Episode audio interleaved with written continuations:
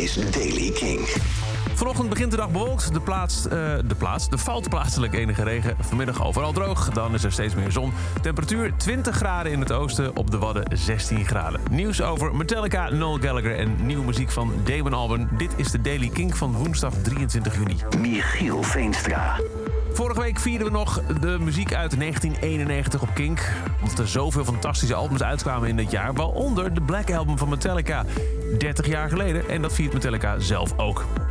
De Metallica Blacklist komt uit. Een gigantische boxset vol Metallica covers door een groot scala aan artiesten. Variërend van Royal Blood tot Phoebe Bridges en van Miley Cyrus tot Mac DeMarco. Meer dan 50 artiesten, 53, gingen aan de haal met alle tracks van The Black Album. Mac DeMarco, Weezer en Ghost doen bijvoorbeeld een eigen interpretatie van Enter Sandman. Sad But True is gedaan door Sam Fender, St. Vincent en Royal Blood. En Biffy Clyro hebben ook iets gedaan. Ze hebben Holier Than Thou. The Unforgiven is onder handen genomen door Cage the Elephant. En Fallbeat doet Don't Tread On Me. Nothing Else Matters, onder andere gedaan door Phoebe Bridgers. Maar ook door Miley Cyrus. Idols heeft ook meegedaan. Eh, Het gaat maar door. De bijzondere box komt uit op 10 september, bestaat uit 7 LP's. De opbrengst van de Metallica Blacklist wordt gelijk verdeeld tussen de All Within My Hands Foundation van Metallica zelf en meer dan 50 goede doelen gekozen door de artiesten die de covers hebben gedaan. Alle muziek is gemaakt onder toezicht van uitvoerend producent Giles Martin.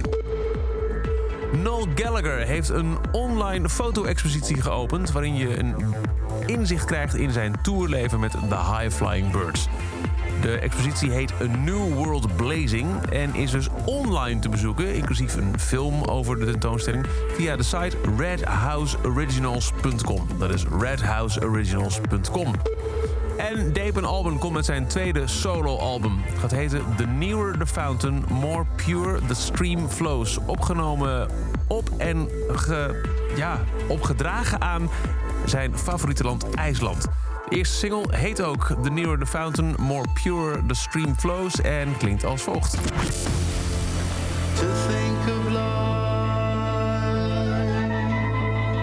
Did laugh